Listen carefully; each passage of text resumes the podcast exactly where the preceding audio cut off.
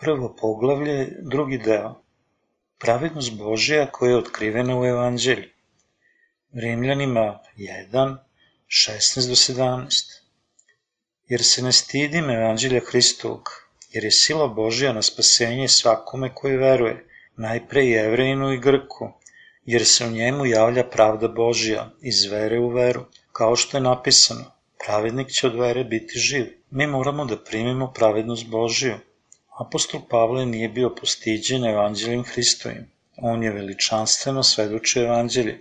Međutim, jedan od razloga što mnogi ljudi plaču kroz svoju veru u Isusa je zbog njihovih grehova. To je takođe zarad njihovog ignorisanja da priznaju pravednost Božiju. Mi možemo biti spašeni verom u Božiju pravednost i odustajanjem od naše sobstvene pravednosti.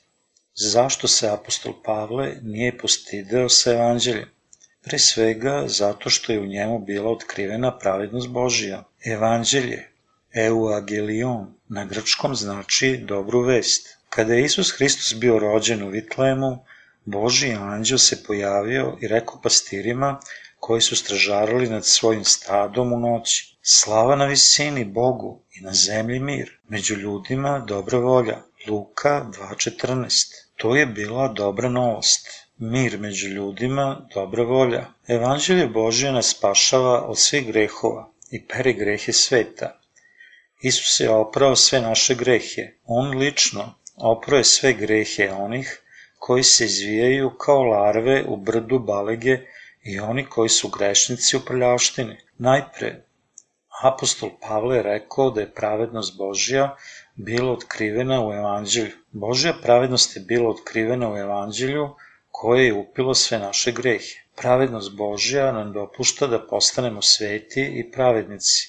To nam takođe dopušta da pribavimo večne živote i budemo bezgrišni. Šta je pravednost ljudskog bića? Mi ljudi volimo da se pokažemo pred Bogom kada imamo u nečim da se pohvalimo. Pokrivamo ličnu gordost čineći dobre dela, prikazujući ljudsku pravednost. Međutim, Isusovo pravedno delo koje nas je spaslo od svih naših grehova dopušta da Božja pravednost bude otkrivena u Evanđelju.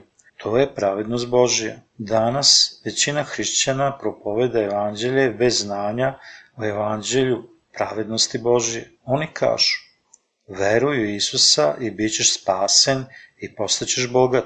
Međutim, oni ne uče o Evanđelju Božje pravednosti. Evanđelje izgleda da je više popularno nego ikada, ali većina ljudi nije zainteresovano i ne razume evanđelje. To je slično činjenici da je Biblija bestseller, ali ljudi i dalje ne razumeju zaista njenu sadržinu. Najdragocenija i korisna stvar u ovom svetu je evanđelje, koje nam je Bog dao, jer se u njemu javlja pravda Božja iz vere u veru. Evanđelje Božije je nalik oazi u pustinji. Isus dolazi do onih grešnika koji su počinili mnogo grehova i sve ih pere od njihovih grehova. Međutim, ljudi odbacuju dar njegove pravednosti, kojom je oprao grehe sveta, pokušavajući da uspostave svoju ličnu pravednost. Ljudi koji koriste svoj lični napor, usluge, posvećivanje, revnost, ponude, pokajničke molitve, ispusničke molitve, držanje Božijeg dana, prevođenje Božje reči u praksu i tako dalje, odbacuju Božji dar. Jesu oni koji odbacuju njegovu pravednost. Pravednost Božja se može primiti samo kad se odustane od svoje sobstvene. Oni su sašili sebi odelo od smokinog lišća i oblače se njime. U postanju Mojsijeva 3.21 je zapisano I načini gospod Bog Adamu i ženi njegovoj haljine od kože i obuče ih u njih. Prvi čovjek, Adam, zgrešuje prema Bogu svojim padom zarad laži satane. Ono što su Adam i Eva učinili odmah nakon što su zgrešili, bilo je da su sašili od smokvinog lišća odelo. Odeća načinjena od sašivenih listova je potpuno suprotna od tunika načinjenih od kože. To je bilo razlika između pravednosti čoveka i pravednosti Božije. Postanje 3.7 kaže Pa spletoše lišće smokvinog i načiniše sebi pregače. Da li ste ikada spleli rotkvičine listove? Mi korejci isečemo lišće od rotkvice i upletemo ih zajedno sa pirinčanom slamom i osušimo ih. Zimi mi skuvamo bobovu pastu od ove ispletene žitarice. To je veoma ukusno. Adam i Eva su spleli smokino lišće i načinili odoću nakon što su zgrešili. To je vrsta čina dobrog dela, samo iskušenja i samo požrtovanja, sačinjenim od ljudske pravednosti. To je sobstvena pravednost, ne pravednost Božja. Činjenica da su oni načinili svoja sobstvena odela od smokinog lišća ukazuje na greh gordosti putem pokušaja da se sakriju njihovi gresi, tako što čine dobre dela pred Bogom. Splesti sa nečijom pravednom odanošću, samo požrtvovanje, samo iskušenje, službu i pokajničku molitvu u odeću i prekriti grehe u nečijem umu, sa time jeste idolopoklonstvo, kojim narasta gordost pred Bogom. Možemo li sakriti naše grehe u našim srcima pred Bogom šivenjem smokvinih listova da bi načinili odeću? Možemo li sakriti naše grehe našim dobrim delima? Nikada. Lišće će u toku dana opadati i u treći dan svo lišće će napokon opasti. Odeća načinjena od bilja ne tre dugo. Ljudi koji šiju smokvino lišće i čine odeću, naime, oni koji pokušavaju da budu pravedni, dobrom službom Bogu, svojim sobstvenim delima, ne mogu da uđu u Carstvo nebesko. Mi ne možemo da primimo oproštaj od grehova putem lično naših pravednih dela. Kada su Adam i Eva pokušali da sakriju svoj greh, načinivši odela od smokvenog lišća, Bog je pozvao Adama. Gde si, Adame? U pokušaju da se sakrije između drveća u vrtu, on reče, uplašio sam se jer sam go i sakrih se. Osoba koja ima greh pokušava da se sakrije između drveća. Drveće često ukazuje na čoveka iz Biblije. On, ona koji imaju grehove u srcu, pokušavaju da se sakriju među ljudima. On, ona vole da sednu u sredinu ne da sednu daleko pozadi ili na čelu u crkvi gde se mnogi ljudi sakupljaju. Zašto? Jer on, ona žele da se sakriju između ljudi. Međutim, on, ona ne mogu da sakriju njegove njene grehe pred Bogom. On, ona moraju da se oproste od njegovih njenih grehova tako što odustanu od njegove njene lične pravednosti, i pomoću vere u pravednost gospodnju. Oni koji imaju nejasnu veru i koji ne veruju u istinu takođe žele da uđu u carstvo nebesko. Skrivaju se među ljudima iste vrste, ali oni će završiti u paklu sa onima koji pokušavaju da sakriju njihove grehe svojim dobrim delima. Grešnici su dužni da se kao takvi otkriju pred Bogom i predaju mu se. Bog je pitao Adama, komu je načinio odeću od smokvenih listova? Zašto si uzao voćku?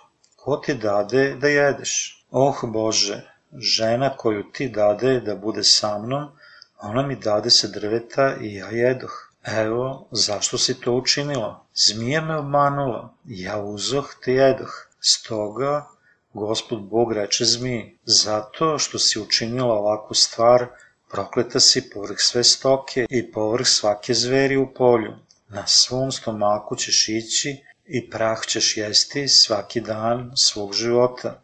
Zbog toga zmija klizi na svom stomaku. Iznova Bog reče Adamu i Evi, vi ste takođe počinili greh, vi koji ste obmanuti grehom i kolođe koji su počinili greh i sami ste grešnici. Danas lažni proroci takođe propovedaju svoje lažno evanđelje govoreći, primite vatru, Ljudi koji su obmanuti njima tretiraće se na isti način kao lažni proroci i otići će u pakao. Gospod je napravio tunike od kože za Adama i njegovu ženu. Gospod je mislio, neću da pustim Adama i Evu koji su zgrešili, budući da su obmanuti satanom, kao što su. Ja sam u početku zamislio da kreiram ljude po svom liku, i učinim ih svojim sinovima. Stoga ja ću ih spasiti da ispunim moj plan. Ovaj plan je bio Boži. Stoga Bog je prenao njihove grehe na životinju. Ubio je životinju, odrao joj kožu i načinio joj tunike od kože i obukao je Adama i Evu u tunike. On je načinio simbol našeg spasenja. U biti, odeća od bilja, načinjena od smokvenih listova, nije mogla ostati čak ni dan i morala je da se popravlja iznova i iznova opet. Bog je obukao Adama i Evu sa večnim životom govoreći Ti, Adame i Evo, dođite, ja sam napravio novu tuniku od životinske kože, obucite se u njih. To je koža od životinje koja je umrla za vas. Gospod je obukao Adama i Evu sa tunikama od kože, blagoslovene Božjom pravednošću, da bi dao Adamu i Evi nove živote. Gospod Bog je načinio tunike od kože za Adama i njegovu ženu i obukao ih, baš kao što je Bog obukao vernike u spasenje njegove pravednosti.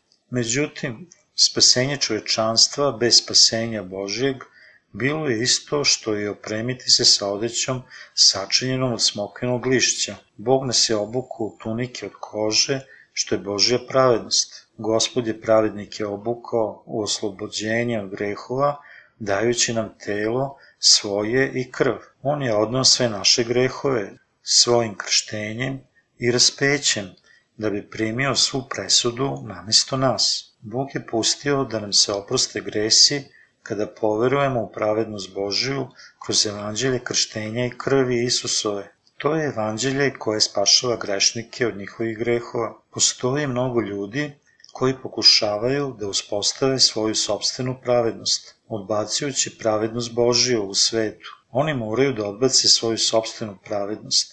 U Rimljanima 10, 1 do 4 je zapisano Braćo, želja je mog srca i molitva k Bogu za spasenje Izrailja, jer im svedočim da imaju revnost za Boga, ali ne po razumu, jer ne poznajući pravde Božije i gledajući da svoju pravdu utvrde, ne pokuravaju se pravdi Božije, jer je Hristos svršetak zakona, koji ga god veruje, opravdanje. Izraelci su insistirali na svom legalizmu, da bi uspostavili svoju ličnu pravednost, dok su isto vreme ignorisali pravednost Božiju. Bog je ljudima dao zakon da bi ih držao podalje od greha. Ljudi imaju spoznaju greha kroz deset zapovesti i imaju oproštaj za greh verom u pravednost njegovog spasenja, koje ih je spaslo od grehova kroz sistem žrtvovanja u šatoru. Stoga ponuda za greh u šatoru ukazuje da je Isus ispravni predstavnik Božiji u Novom Zavetu. Međutim, Izraelci nisu znali za ovu pravednost Božiju. Zašto je Isus bio kršten? Zašto je Isus bio kršten? Jovan Krstitelj je krstio Isusa da bi oprao sve grehe sa sveta. Isus je rekao Jovanu Krstitelju neposredno pre nego što je bio kršten, ostavi sad, jer tako nam treba ispuniti svaku pravdu. Matej 3.15 To je razlog zašto je Isus bio kršten. On je bio kršten tako da je mogo da opere sve grehe čovečanstva. On je odneo grehe sa ovog sveta pomoću krštenja. Gle jagnje Božije koje uze na sve grehe sveta. Jovan 1.29 On je odneo sve grehe i bio je raspet da iskupi grehe.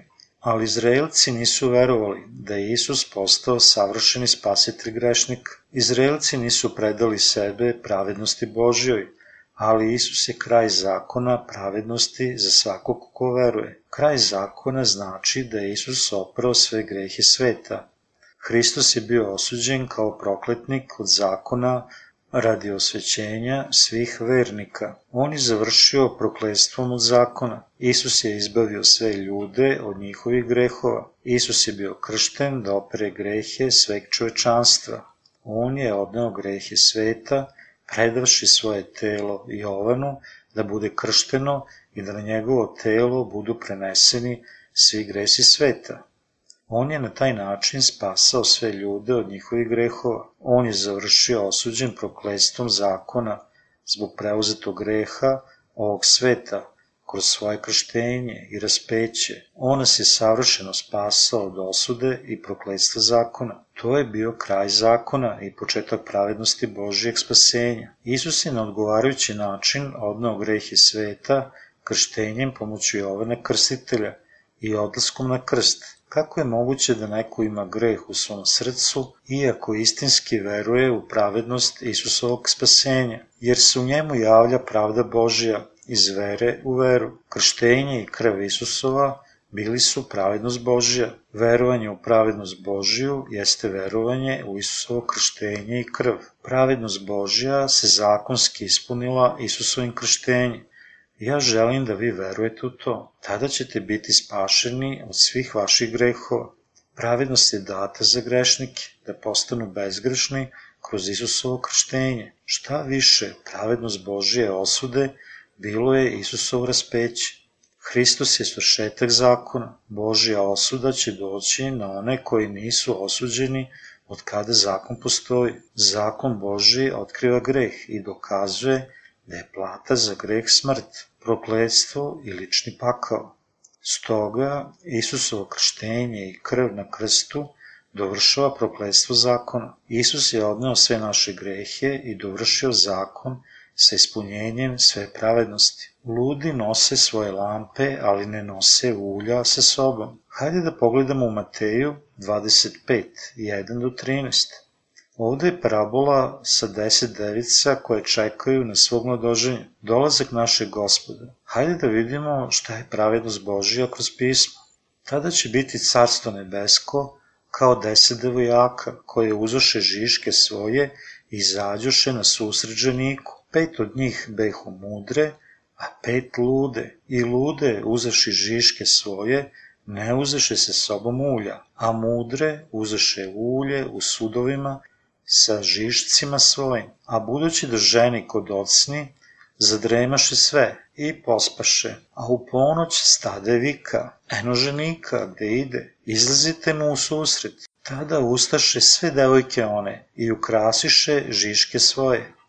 A lude rekoše mudrima, dajte nama od ulja svog, jer naši žišci hoće da se ugase. A mudre odgovoriše govoreći, Da ne bi nedostalo i nama i vama, bolje je idite ka trgovcima i kupite sebi. A kad one otidoše da kupe, dođe ženik i gotove uđoše s njim na svadbu i zatvoriše se vrata. A posle dođoše i one druge, devojke govoreći, gospodaru, gospodaru, otvori nam. A on odgovarajući reče, zaista vam kažem, ne poznajem vas. Stražite dakle, jer ne znate dan i čas u koje će sin čoveči doći. Matej 25, 1 do 13. Tu piše da je carstvo nebesko nalik na deset devica koje su ponele svoje lampe i krenule u susret mladoženje. Ko ulazi u carstvo nebesko? Koje od deset devica su ušle u carstvo nebesko?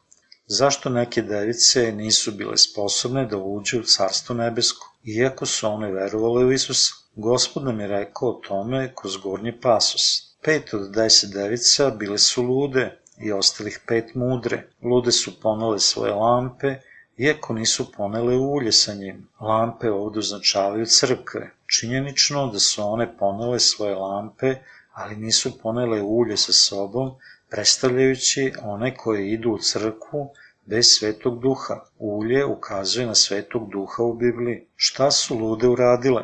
One su ponele svoje lampe, ali nisu ulje. Čovek koji nije iznova rođen, iako međutim on veruje u Isusa, možda predano pohodi crkvu. Svako će reći, moja crkva je istinski pravoverna. Svaki hrišćanin u ovom svetu govori tako. Oni su veoma ponosni na svete oce i neke ličnosti u svojim denominacijama. One koje su bile lude, ponele su svoje lampe, ali ne i ulja u njima, dok su mudre ponele ulja u svojim posudama od lampi. Šta je ljudsko biće? Ljudsko biće je posuda pred Bogom. On, ona su prah. Čovjek je načinjen od praha. Tako su ljudska bića posude koje mogu da sadrže u sebi Boga. Mudre su ponele svoje lampe sa uljem u svojim posudama. Lude device koje imaju samo lampe bez ulja, kojim bi gorle njihove emocije. Biblija nam govori da postoje lude device među ljudima koji veruju Isusa. One su ponele svoje lampe, ali nisu ulje. To znači da one nisu bile iz rođenja. Da li fitilj može dugo bez ulja? Ono što mi moramo da znamo je da se lampa bez ulja brzo ugasi. Bez obzira koliko je dobar fitilj. Vernici koji nisu iznova rođeni, u početku ipak imaju vruću želju ljubavi prema gospodu. To traje oko 4 do 5 godina. Kasnije plamen ljubavi za gospoda utrne. Oni su možda shvatili da im gresi nisu otpušteni. Oni koji nisu rođeni iznova ili su bez ulja svetog duha, govore stvari kao ove. Ja sam imao dobru veru pre puno godina. Bio sam dobar u početku, ali sad nisam. Vi ćete biti kao i ja uskoro. Oni su lažni proroci i lažni sveci koji vode religiozni život bez da su iznova rođeni. Oni moraju imati veru spasenja, jer njihova vera nije zasnovana na ulju, svetom duhu. Njihova vera je zasnovana samo na njihovim emocijama. Oni moraju da pribave spasenje verom u vodu i krv Isusa Hrista i primiti ulje Božje na dar. Fitilj predstavlja ljudsko srce. Device čekaju na mladoženju u gornjim pasusima. Ovde mi moramo dobro shvatiti kulturološku pozadinu Izraelaca. Oni imaju ženitbene ceremonije noću i to počinje kada mladoženja dolazi. Tako nevesta mora da čeka svog mladoženja. Tako je izgledala svadbena ceremonija Izraelaca. A budući da ženi kodocni zadremaše sve i pospaše, u to nastavika, gle, mladoženja dolazi. Tada ustaše sve devojke, one, i ukrasiše žiške svoje, a lude rekoše mudrima, dajte nam od ulja svog, jer naši žišci hoće da se ugase. Lude su bile uvek budalaste, a one su trebale da pripreme ulje pre dolaska mladoženje. Bez obzira koliko slab fitilj od lampe bio, lampa sa uljem neće utrnuti. Lude device koje su imale lampe bez ulja zapališe samo fitilje. Ovo znači da samo njihova srca plamte. Ja se moram iznova roditi, voditi život iznova rođene osobe i moram biti ispunjen svetim duhom. Oni stvarno tako plamte u svom srcu. U vreme našeg dečaštva, kerozinske lampe su se koristile da osvetljavaju sobe noću. Ako bi pustili da lampa zapali traku papira, izgoreće u tren oka. Plamen bi bio veoma visok i svetao. Podinako, on bi se veoma brzo ugasio. Lude device koje idu u pakao su one koje pale svoja srca, emocije, bez ulja i čiji se plamen vere ugasi u onaj čas kada susreću gospoda. Oni nemaju svetog duha u sebi, one misle da veruju ispravno, iako međutim nemaju svetog duha. Dođi, ti plameni duše, dođi, oni su u velikom metežu. Tada, žena predana plesanju, oni to zovu ples svetog duha, podrhtava svojim grudima govoreći, dođi, molim te dođi. Oni su budalasti ludi, mi moramo biti budalasti, ako i dalje imamo greh pred spasiteljem. Mi ćemo biti poput budalastih devica ako imamo greh u našem srcu. Iako mi verujemo u Isusa, nikada ne budite budalaste device. Kako može gospod da oženi nevestu koja ima greh? Gospod je sveti Bog. Mladoženja je Bog i Sin Boži koji nema greh. Bog je naš mladoženja. Međutim, kako zaista možete da sretnete Boga ako posjedujete greh? Da li želite da sretnete Boga i pored greha u vašem srcu? To bi bilo veoma glupo i budalasto da bi se dogodilo. Isus naš mladoženja dolazi na ovaj svet i čini nevestu posvećenom. On obraća svoju nevestu od pravednog naroda tako što pere sve njihove grehove svojim krštenjem. On ih izabira kao svoju nevestu u sebi. Kada se vreme navrši, pet od njih će reći, molim dođi.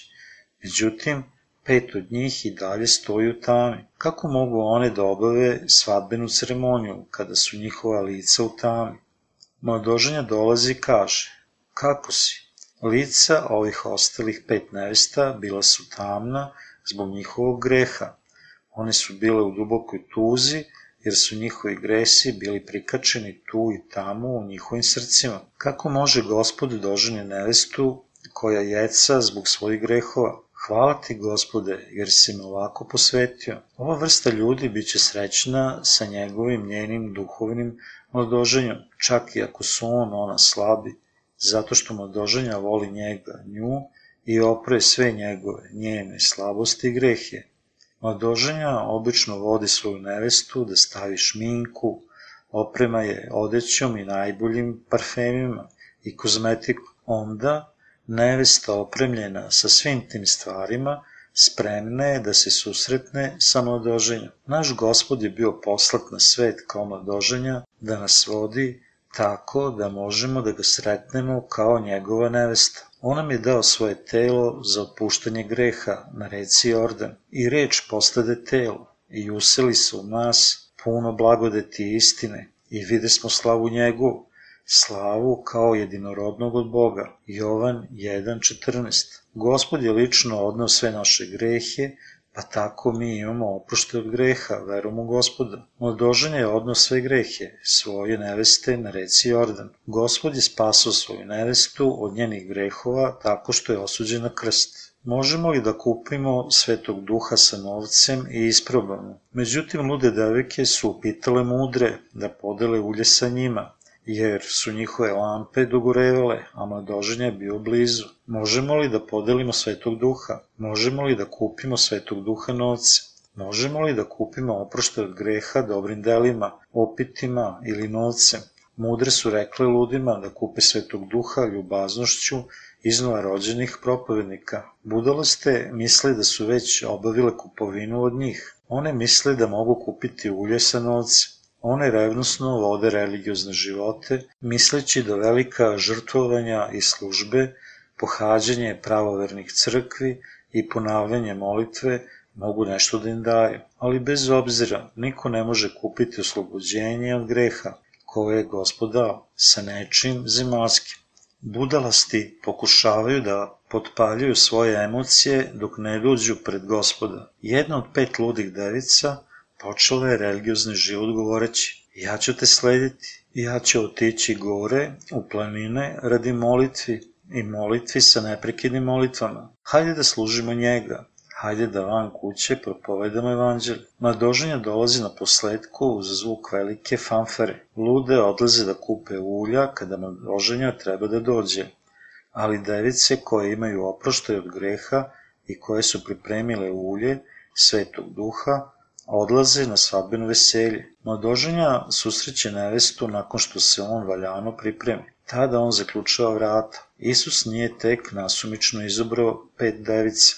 Broj 5 znači lepota u Bibliji. Pet device su one koje su oslobođene od greha, dobile milošću i verom u njegova milostiva i pravedna dela. One su prepoznale sve što je mladoženja učinio za njih i veruju u pravednost gospodnju, kojom je njih učinio pravednim. Međutim, ostale device najzad dolaze i kažu, Gospode, Gospode, otvori nam. Ali on odgovori, zaista, ja vam kažem, ne poznajem vas. Dar Svetog Duha možemo da primimo samo kada su naše gresi upijeni. Oni koji nisu pripremili ulje, ne mogu susresti gospoda. Gospod će uzeti samo one koji veruju u Božju pravednost i čekaju na carstvo nebesko i one koji su zaista oslobođeni od greha u svojim srcima za carstvo nebesko. Gospod je rekao reči obećanja, pokajte se i da se krstite, svaki od vas u ime Isusa Hrista za oproštenje greha. Onda šta se događa nakon otpuštanja greha? Biblija kaže, primit ćete dar Svetog Duha, dela 2.38. Ako primite evanđelje pravednosti Božije, gresi u vašem srcu će zaista biti upijeni i sveti duh će vam doći. Mi ne možemo fizički da osetimo svetog duha Božeg. Pri svemu tom sveti duh postoji. Mi možemo reći da nemamo greha jer imamo svetog duha i reč Božje u našim srcima. To je istinsko postojanje. Onaj ko primi pravednost od gospoda, postaje pravedni čovek, premde slab. Međutim, onaj ko nema pravednost gospodnju, ostaje grešnik jer je ovde otkrivena Božja pravednost. Gospod dolazi pomoću vode i krvi. On nas je spasao od naših grehova svojim krštenjem. On je odneo sve naše grehe kada se krstio i primio sveštničku kaznu za sve naše grehe prolivanjem svoje krvi. Šta su apostoli Jovan, Petar i Pavle rekli o ovome? Oni su svi skupa govorili o Isusovom telu i krvi. Oni su govorili o Isusovom krštenju i njegove krvi na krstu. Matej 3, 13 do 17 tačno opisuje Isusovo krštenje. Isus je bio kršten da učini grešnike bezgrešnim i da opere sve grehe sveta u reci Jordan. Hajde da pogledamo u prvoj Petrovoj 3.21. Petar svedoči da je njegovo krštenje bilo spomen spasenja. Za spomen toga i nas sada spašava krštenje, ali ne pranje telesne nečistote, nego obećanje dobre savesti Bogu vaskrsenjem Isusa Hrista, koji je sa desne strane Bogu, otišavši na nebo i slušaju ga anđeli i vlasti i sile. 1. Petrova 3.21 do 22. Tu je zapisano, za spomen toga i nas sada spašava krštenje, vaskrsenjem Isusa Hrista. Isusovo krštenje kojim je odnos sve naše grehe svojim telom bio je dokaz našeg spasenja. Činjenica da je on prolio krv na krstu jeste dokaz o činjenici da smo mi bili osuđeni za naše grehe. Da li vidite šta vam govorim? Stoga Biblija tvrdi da je Isus onaj koji je došao vodom, krvlju i svetim duhom. 1. Jovanova 5, 6 do 9. Isus je bio poslan na ovaj svet u ljudskom telu i odnio je sve naše grehe na isti način kao što je Aron, visoki sveštenik, polagao svoje ruke na žrtvu da prenese grehe sveg naroda. Voda je spomen našeg spasenja, krštenje. Zapisano je da to nije pranje telesne nečistote. Ovim se ne misli da mi ne grešimo nakon što smo pridobili oslobođenje od greha. Mi primamo oprošte za greh putem vere u krštenje Isusovo. Onda ne grešimo li mi telom? Da, grešimo. Mnogi ljudi pogrešno razumeju otpuštanje greha i kažu kao ovo. Ako nemate greh u svom srcu, vi nećete iznova zgrešiti. Ovo je krivo tumačenje. Biblija kaže, doista nema čoveka pravednog na zemlji koji tvori dobro i ne greši. Propovednik 7.20. Telo je i dalje slabo. Slabo je dok ne umre. Ono čini grehe dok ne umre. Ne pranje telesne nečistote, nego obećanje dobre savesti Bogu. Naša svesnost se menja u dobru savest prema Bogu, kroz našu veru u krštenje i krv Isusovu. Našom savešću možemo zvati Boga našim gospodom i spasiteljem pomoću naše vere u činjenicu da je Gospod odnao sve naše grehe svojim krštenjem. Duhovna hrana za naša srca jeste krštenje i krv Isusova. Hrana za srce je krštenje i krv Isusova hrana za srce i spomen koji je oprao naše grehe krštenje Isusovo. Stoga apostol Petar kaže da je krštenje spomen koji nas je spasao. Hajde da pogledamo u 1. Petrovoj 1, 22 do 23.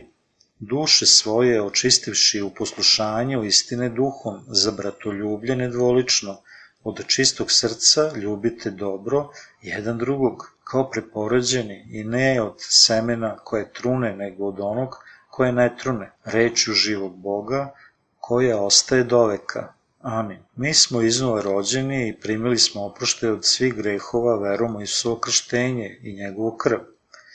Mi smo rođeni iznova verom u zapisanu reč gospodnju. Mi smo se iznova rodili reču živog Boga koja ostaje do veka. Haliluja! Ponovno rođenje se dogodilo kroz reč koja živi i prebiva večno. Reč Božija je pravilo koje ukazuje na mernu dužinu.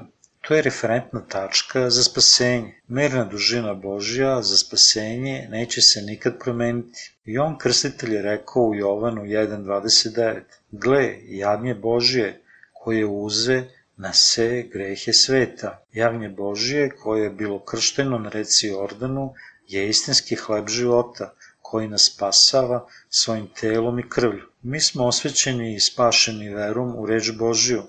Biblija kaže, tako dakle vera biva od propovedanja, a propovedanje reču Božijom. I, jer se u njemu javlja pravda Božja iz vere u veru, kao što je napisano, pravednik će od vere živ biti. Rimljanima 10, 17, 1, 17. Mi možemo da postanemo pravedni verom u evanđelju. Da li ste osvećeni? Amin. Imate li kakvog greha? To je evanđelje dobra vest. Euagelion na grčkom. Što je pravednost Božja? To je činjenica da je Gospod upio sve naše grehe, dajući svoje telo i krv za nas. Pravednost Božja nam dopušta da budemo osvećeni. Pravednost Božja je da Isus, koji je bezgrešan, odnese grehe sa sveta i bude raspet za grešnike. To je voda, krštenje Isusovo, koje čisti sve grehe sveta. Pravednost Božja je bila data kroz činjenicu da je Isus odnao sve grehe sa sveta svojim krštenjem i raspećem.